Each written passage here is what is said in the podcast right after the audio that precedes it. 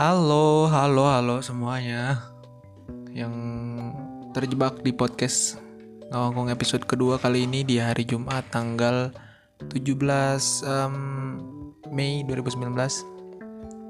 Sekarang jam 4 sore, um, di mana masih 4, 5, 6, 2 jam lagi buat buka puasa. Oke, beda agak beda sih soalnya yang pertama itu kita nge-recordnya malam-malam ya. Nggak ada suara berisik. Mungkin akan ada suara-suara penampakan. Suara-suara penampakan. Penampakan kan visual ya. Akan ada suara-suara uh, yang membacksoni podcast kita kali ini. Oke lanjut aja langsung. Kita bakal ngomongin apa ya? Gue juga gak tahu sih ngomongin apa sekarang. Gue asal pencet record aja tadi yang penting ada konten dulu seperti biasa, seperti biasa. Baru satu podcastnya udah ngomong seperti biasa. Oke, siap. Jadi gini, karena gue orang Sunda, waktu itu yang gue tahu ya, yang gue tahu ya, yang namanya ngabuburit, ngabuburit itu kayak uh, Sunda bagian Cianjur aja gitu. Ngabuburit gitu kan, keluar orang-orang keluar buat ngabisin waktu uh, menuju maghrib gitu kan.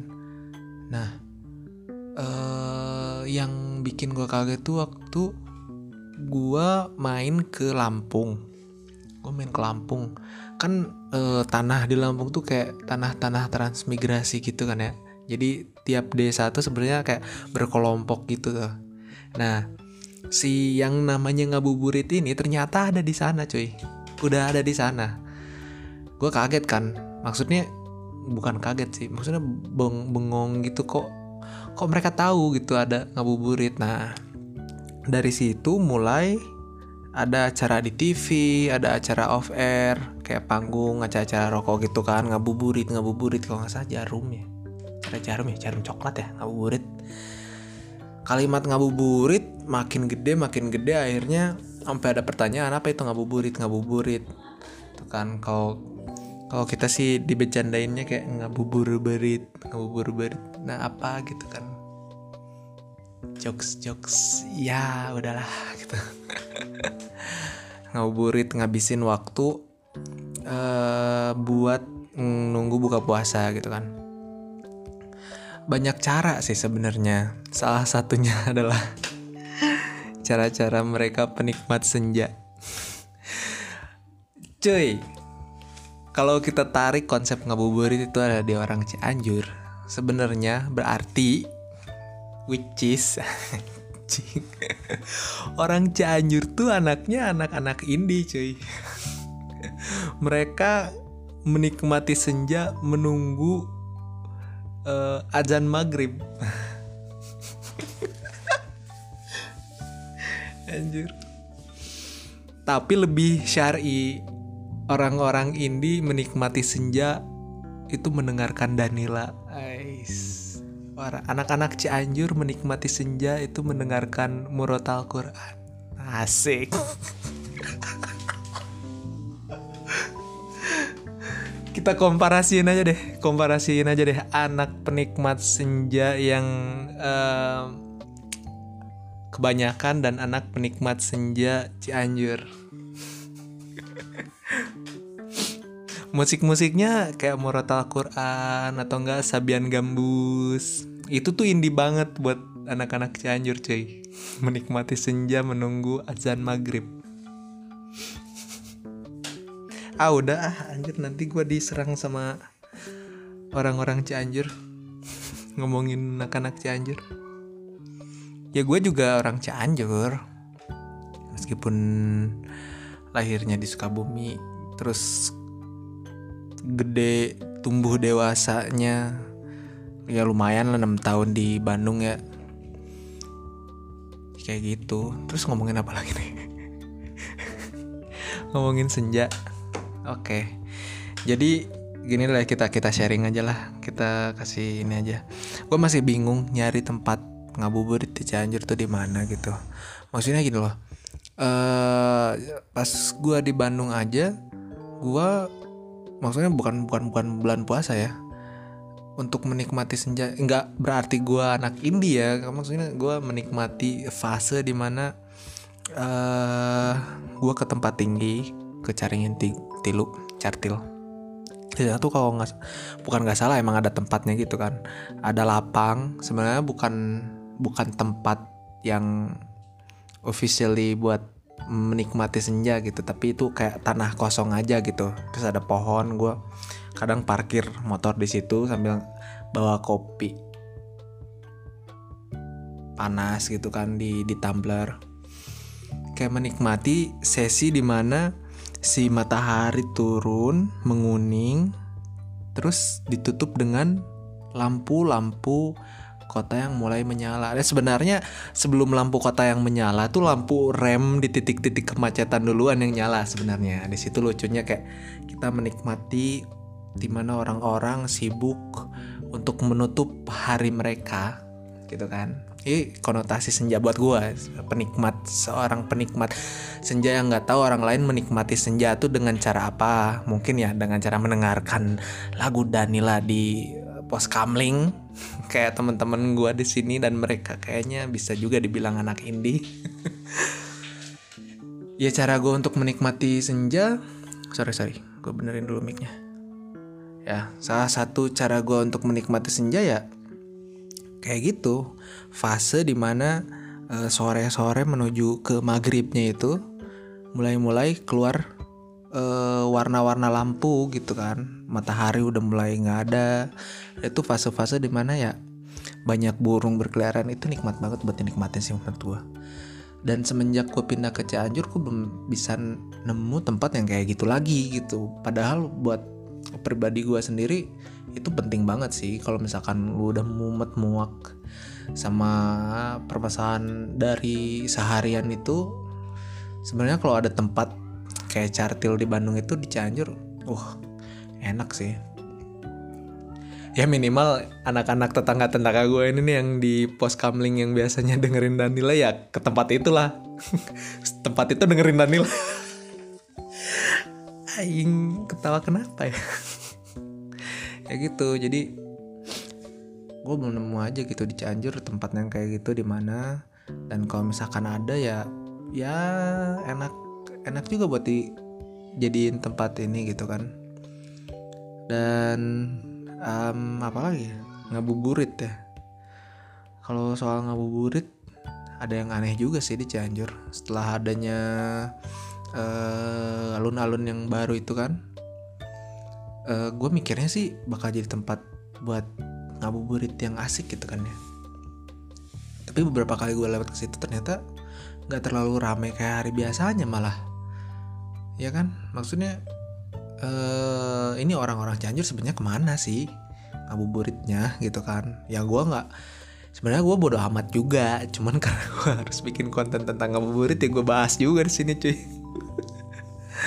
Kayak gitu. Jadi um, hari keberapa ya sekarang ya? Hampir hari ke 12 mungkin ya. Pokoknya udah udah udah masuk belasan deh. Udah hari-hari di mana uh, eh, orang-orang menentukan tanggal buat bukber cuy. ya menentukan tempat bukber itu konotasi apa korelasinya dengan kekosongan tempat atau ruang publik uh, menjelang akhir-akhir bulan Ramadan itu menjadi sebuah suatu variabel yang jadi hari-hari akhir di bulan Ramadan itu bisa jadi adalah hari di mana pengedanan eh, tempat-tempat buka puasa itu eh, berjaya gitu beda lagi kayak tempat-tempat eh, buat ngabubur itu akhirnya bergeser gitu. Jadi eh, orang-orang ngabubur itu sebenarnya ya buat mempersiapkan buka puasa bersama teman-teman sejawatnya gitu. Bukan lagi buat ngabisin waktu terus pas udah beberapa saat mau maghrib mereka pulang nggak udah nggak gitu lagi di akhir-akhir bulan puasa yang kalau yang gue rasain sih kayak gitu gitu. Kebetulan gue bukbernya di awal-awal puasa jadi nggak masalah tuh. Kayak kemarin-kemarin gitu. Tapi nggak tahu sih ya SMP SD belum ada yang ngerencanain diem-diem baik gitu kan. Gue bodo amat soalnya pusing cuy. Bukan karena gini loh orang-orang pada ngomong ini nggak apa-apa ya ngalor ngidul. Jadi orang-orang pada ngomong oh kayak ada lagunya nih yang baru nih.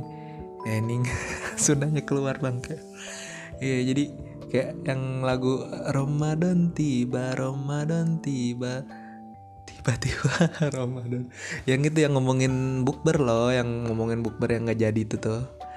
Sebenarnya bukan karena nggak jadi jadi orang-orangnya ini kayak mereka tuh sebenarnya makin dewasa makin tahu bahwa untuk merencanakan sesuatu dengan kepala yang udah berbeda-beda itu susah banget gitu. Jadi kadang mereka udah suntuk banget mereka mundur akhirnya nggak bisa akhirnya nggak bisa akhirnya nggak bisa gitu beda sama kalau bukber anak-anak SMP lu lihat aja deh bukber sama anak SMP atau enggak anak SMA mereka selalu sukses cuy kalau bikin bukber.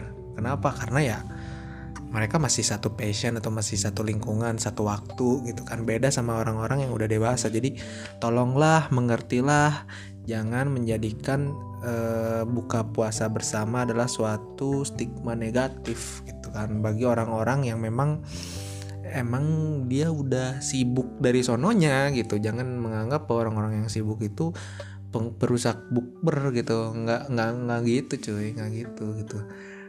Tapi ada memang beberapa orang yang eh, karena kesel akhirnya membatalkan bukber ada gue tahu. Karena ajang bukber itu selain ajang silaturahmi juga ajang adu gengsi. Apalagi bukber SD cuy wah itu udah yang jangka waktunya udah lama ber berbelas-belas tahun katakan belasan tahun ya. SD 6 tahun SMA SMP 6 tahun 12 tahun. Nanturan 12 tahun lah. Tambah kuliah gitu kan. Kita jarang banget ketemu terus kita ketemu di bukber. Ada yang bawa anaknya ada yang dia datang pakai mobil ada yang dia datang cuman jalan kaki ada yang dia datang dengan dua istri mungkin ada ya mungkin. Gitu kan. Beda-beda lah. Ada ajang-ajang kayak eh gue udah gini loh gue udah gini loh. Kalau gue pribadi sih gue nggak mempermasalahkan itu ya ya, ya udah sih. Kalau kalau lu kayak gitu ya mau nggak mau bukan gini dong. Ada orang kaya sukses misalkannya dia jadi direktur di suatu perusahaan terus menghadiri sebuah uh, bukber gitu kan ya namanya direktur tampilannya kayak gimana yang orang nggak usah ditanya juga pan. Kan pasti ada yang nanya juga kan eh gimana? Apa kabar? Di mana lo? Nggak mungkin kalau semuanya egois gitu kan. Eh gimana? Apa kabar? Udah sampai situ pertanyaannya. Nggak mungkin juga pasti ditanya lu di mana sekarang? kan. Lu nggak harus menunggu orang itu untuk uh, unjuk gigi gitu dia udah sesukses apa sekarang. Nggak usah nunggu itu ada kalanya etika basa-basi tai kucing itu akan keluar dari mulut lu sendiri menanyakan status orang itu cuy. Jadi jangan mempermasalahkan hal itulah. Udahlah. Lu kalau misalkan mau bukber uh, positive thinking aja bahwa bukber ini ajang silaturahmi aja gitulah. Jangan lupa sholat maghrib jangan lupa sholat isya gitu aja lah kalau menurut gua mah. Kan jadi tausiah ini ngabuburitnya. Ya betul tidak. Oke lah segitu aja dulu lah. Gue daripada kehabisan materi terus pas akhir-akhir podcastnya jadi kopong mendingan gue akhiri waktu padat kayak gini lah oke? Okay? sampai jumpa lagi di podcast selanjutnya. Bye